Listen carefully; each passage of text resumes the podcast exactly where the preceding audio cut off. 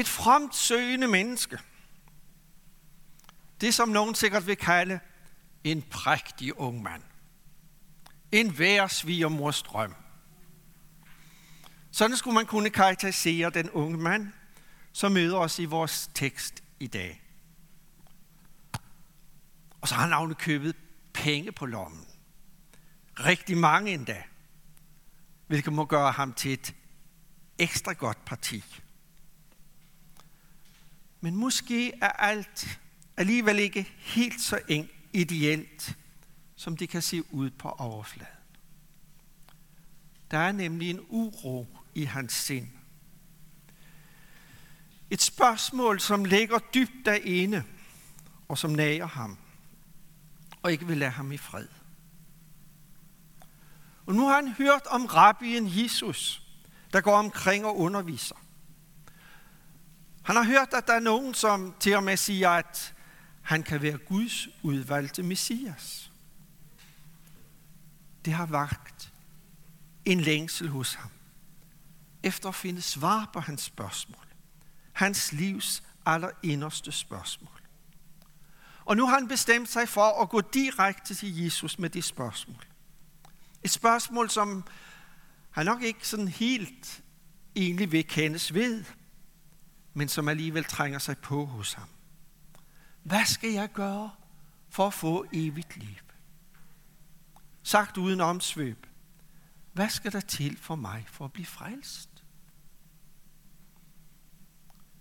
Det er ikke altid så let for os at vedkende os det spørgsmål.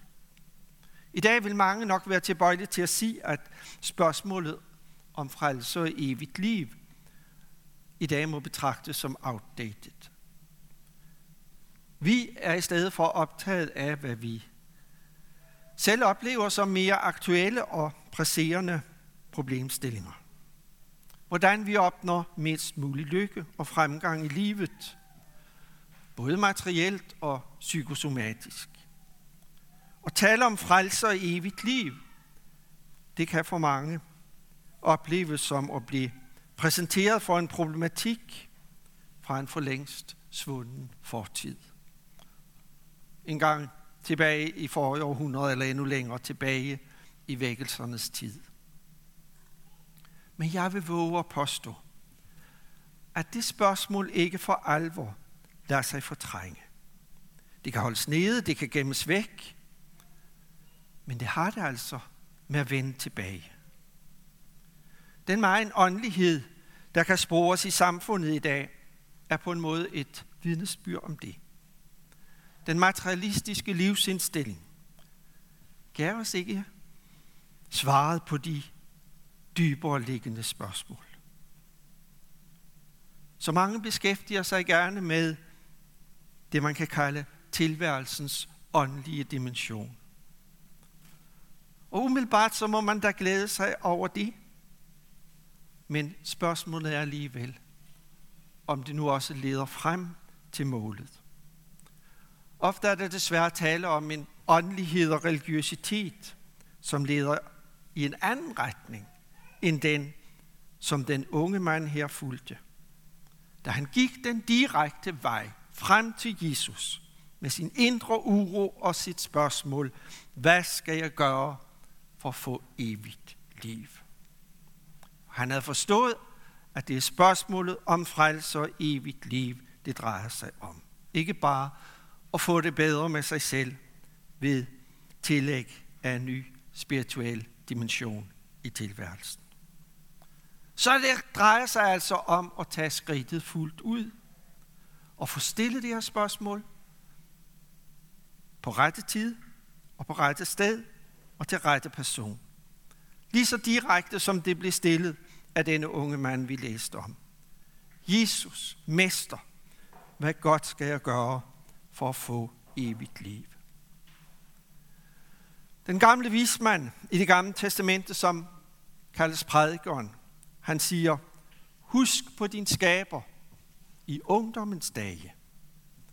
Før de onde dage kommer, og de år oprinder, om hvilket du vil sige, dem kan jeg ikke lide.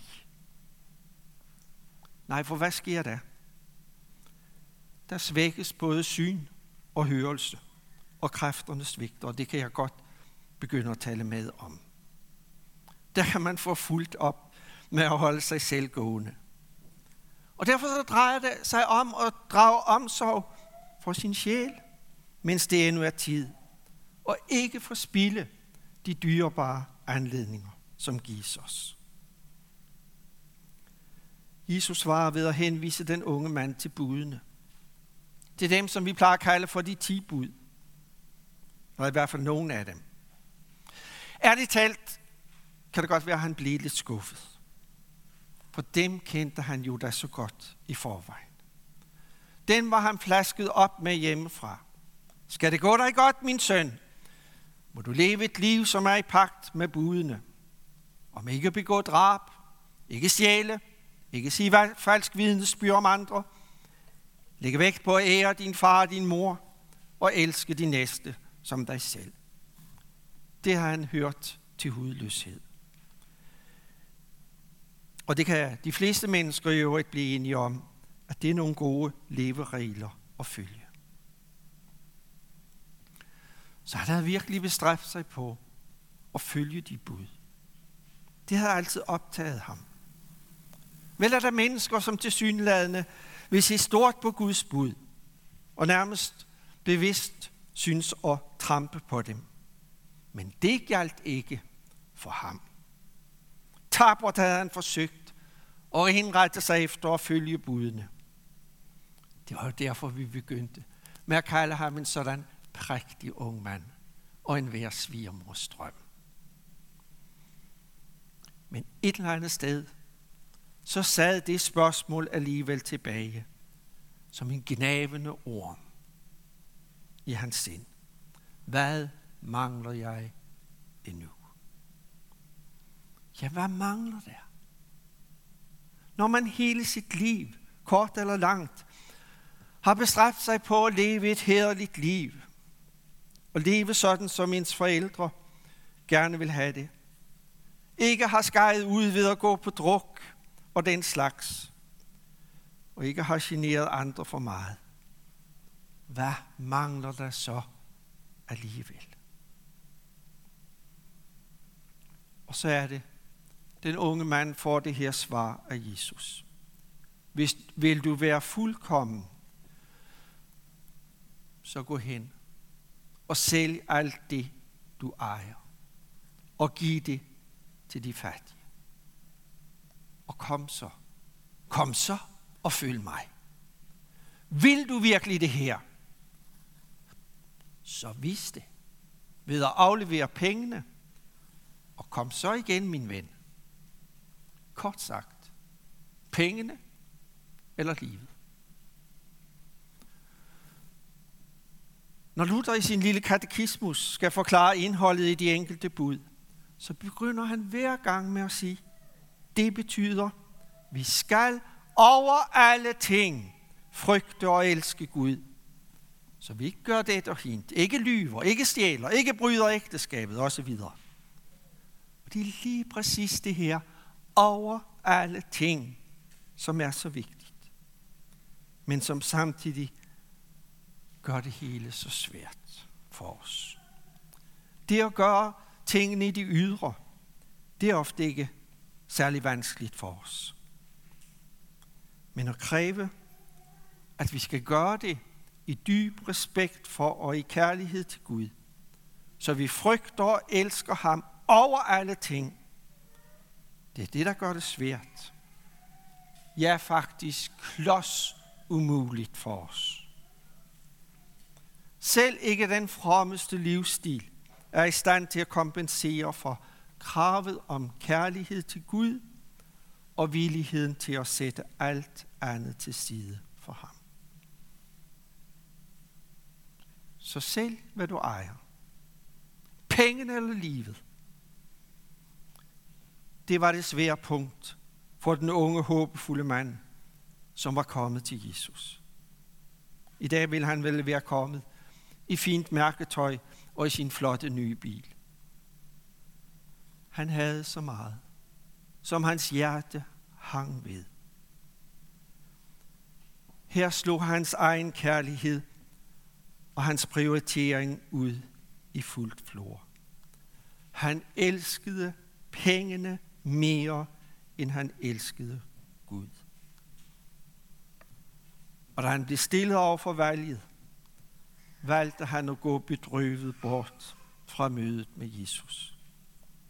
Bedrøvet for, det var jo noget, han egentlig gerne ville have, og som han kom efter. Frelse og evigt liv. Men alligevel kun, hvis det kunne blive som et tillæg til det, han ejede i denne verden. Kun med hans ejendom i behold og på hans egne hænder. Så vanskeligt er det nemlig for en rig at komme ind i Guds rige. Forklarer Jesus efterfølgende sine disciple.